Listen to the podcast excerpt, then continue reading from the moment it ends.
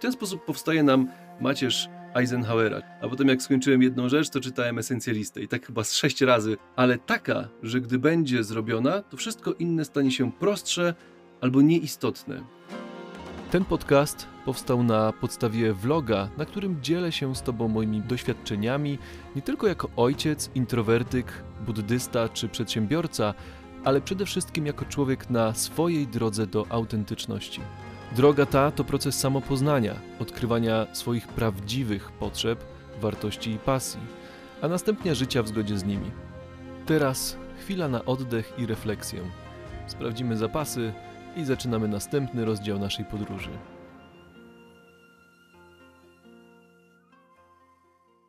Cześć, jest piątek i to jest 36 odcinek vloga. Dzisiaj nawet w miarę się wyspałem, jest przed siódmą i zanim jeszcze cała moja ekipa stała, to ja już idę coś podziałać, bo chcę sobie posprzątać przed urlopem. A i może pociągnę jeszcze temat tego procesu do y, zamykania zadań, sprzątania zadań, zwłaszcza tych cyklicznych. Pociągnę trochę ten temat, bo naszła mnie taka refleksja właśnie, że jest parę książek, które fajnie o tym mówią i są w zgodzie też y, z taką właśnie filozofią slow life, to jest przede wszystkim Esencjalista i Jedna Rzecz. To są takie dwie książki. Do tego jeszcze w moim procesie integrowałem e, najpierw rzeczy najważniejsze Stevena Coveya, więc opowiem trochę o podejściu każdej z nich. Dzisiaj jeszcze jestem trochę zabiegany przed urlopem, bo muszę wcześniej skończyć, jeszcze urodziny syna, no i potrzebuję porobić jeszcze parę pilnych rzeczy, więc do tematu. Zacznę od książki najpierw rzeczy najważniejsze Coveya. Autor mówi tam o takim rozróżnieniu właśnie pomiędzy rzeczami ważnymi a nieważnymi oraz druga taka kategoria to pilne i niepilne. I w ten sposób powstaje nam macierz Eisenhowera, czyli w pierwszej kolumnie mamy rzeczy pilne, w drugiej kolumnie mamy rzeczy niepilne. No i w w pierwszym wierszu mamy ważne i w drugim wierszu mamy nieważne. Powstają nam cztery takie bloki, w których sobie wpisujemy te zadania. No i takie zadania ważne i pilne, no to byłyby takie jak na przykład um, zapalenie wyrostka robaczkowego. No to jest coś, co powiedzmy jest rozpatrywane w kategoriach pożaru i trzeba się tym zająć teraz. Jest to ważne, no bo um, jakby no nic więcej innego nie zrobimy w tym czasie. W drugiej E, kategorii, czyli te ważne, ale niepilne, byłyby te zadania, te rzeczy, te projekty, które pozwalają nam uniknąć na przykład pożarów, nie? czyli dbanie o formę, na przykład w kategoriach zdrowia, czy zajęcie się jakimś projektem wcześniej, zanim na przykład na wiele tygodni, zanim ten termin, jakiś deadline przyjdzie, a nie zostawianie na ostatnią chwilę, bo wtedy znowu mamy pożar, czyli musimy się teraz już zająć jakimś zadaniem, skończyć je, no bo zaraz trzeba na przykład ten projekt oddać. Trzecia kategoria to byłyby, to byłyby pilne, ale nieważne. No i to są takie zadania, które na przykład, nie wiem, dzwoni telefon, no i w sumie to na przykład, nie wiem, jest oznaczony jako spam um, w telefonie, no i to jest pilne, no bo jeśli teraz nie odbiorę tego telefonu, to za godzinę go nie odbiorę. Ale czy to jest ważne? No, prawdopodobnie niekoniecznie. No i są rzeczy, które ani nie są pilne, ani nie są ważne. No i tutaj na przykład kojarzy mi się, e, zacząłem kiedyś grać w Cyberpunka, no i nie skończyłem tej gry, no i nie jest to pilne, żeby to skończyć. No i okazuje się, że nie jest to też dla mnie ważne, żeby to skończyć. Więc to są takie zadania, które w zasadzie moglibyśmy od razu wyrzucić i już nam się robi jakaś tam przestrzeń, czy to mentalna, czy to na przykład na dysku e, więcej miejsca, bo usunąłem sobie grę. Także to pozwala na priorytetyzowanie zadań. No i na przykład w kontekście tych zadań cyklicznych, regularnych, o których mówiłem wczoraj, no to moglibyśmy sobie właśnie poustawiać wszystkie te y, zadania, które tam mieliśmy, zwłaszcza te, które wybraliśmy jako te, które nam zajmują na przykład najwięcej czasu i je sobie określić, czy one są ważne i czy są pilne. I w ten sposób mm, no moglibyśmy sprawdzić, czy nie, nie powinniśmy sobie, czy nie mamy takiej możliwości, żeby sobie zrobić więcej przestrzeni w tych zadaniach i coś po prostu pousuwać, bo no, są rzeczy po prostu ważniejsze, którymi chcemy się zająć. Drugą książką jest e, Esencjalista.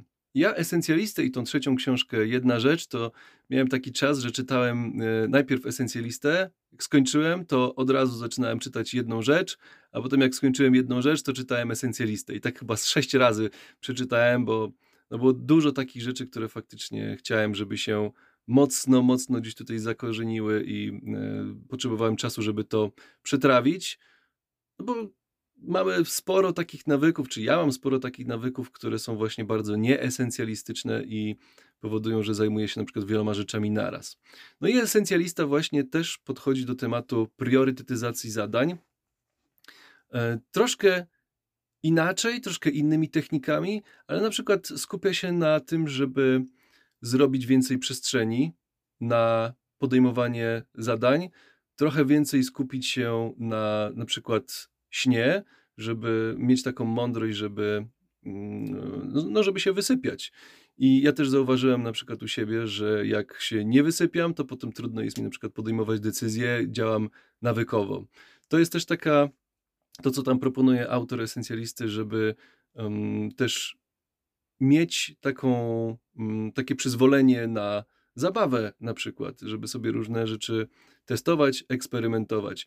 Jest tam sporo zarówno technik, które pomagają mm, na przykład asertywnie odmawiać z szacunkiem dla innych, ale też y, jest to taki ogólny mindset, ogólne nastawienie umysłu, czy taka postawa, którą możemy sobie dzięki tej książce wyrobić i, no i być bardziej esencjalistycznymi e, w życiu, zajmować się ważniejszymi rzeczami, umieć to priorytetyzować.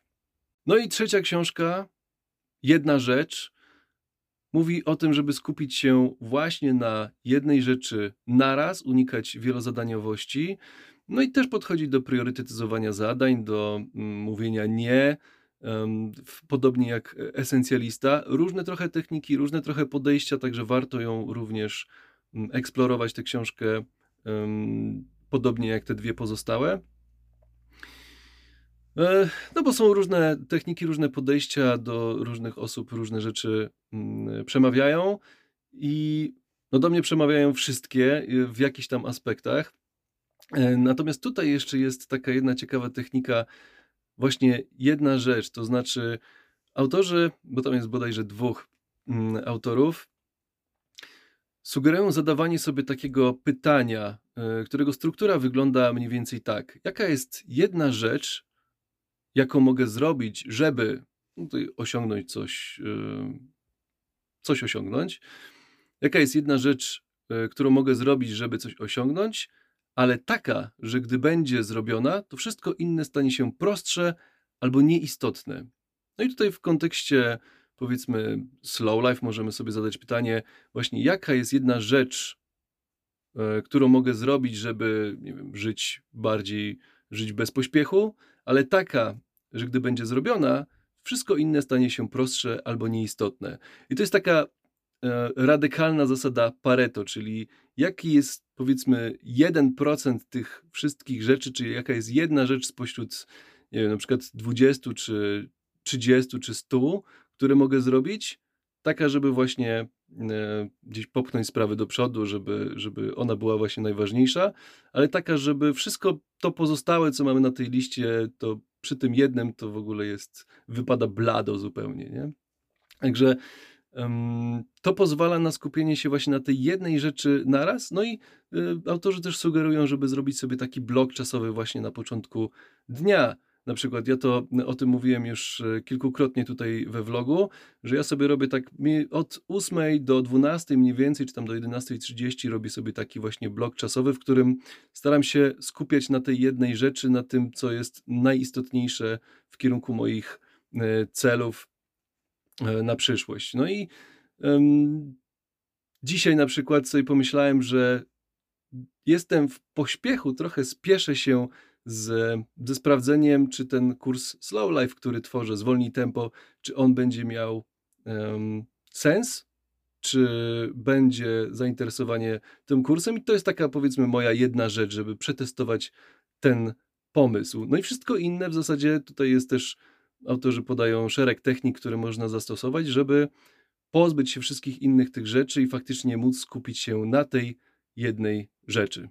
Ja już będę kończył na dzisiaj, także to są te trzy książki, które mm, ja Ci polecam. E, ja będę z, oczywiście je integrował też e, zarówno do mojego kursu, jak i do testowania pomysłów biznesowych, bo tutaj też te techniki są potrzebne, właśnie, żeby na przykład nie robić projektów, które zajmują bardzo dużo czasu, a potem, żeby się okazało, że one mm, nie miały sensu, bo na przykład nie są atrakcyjne albo nie są wykonalne, albo opłacalne do zrobienia, albo, albo w ogóle nie chce się tym zajmować, więc takie skupienie się na tym, co jest istotne, czyli na przykład na przeprowadzeniu tego eksperymentu biznesowego, żeby sprawdzić, czy, czy dalsza praca ma sens, to byłaby w kategorii, czy w myśleniu o testowaniu pomysłów taka właśnie najważniejsza rzecz, nie? Czyli najpierw sobie testujemy, sprawdzamy, czy w ogóle jest sens. Jeśli tak, idziemy do przodu. Jeśli nie, no to usuwamy i robimy coś innego, testujemy inne pomysły.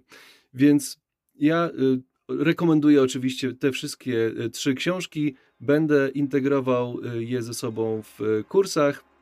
Będę o nich tutaj też wspominał we vlogu, o różnych technikach, podejściach, jakie je stosuję.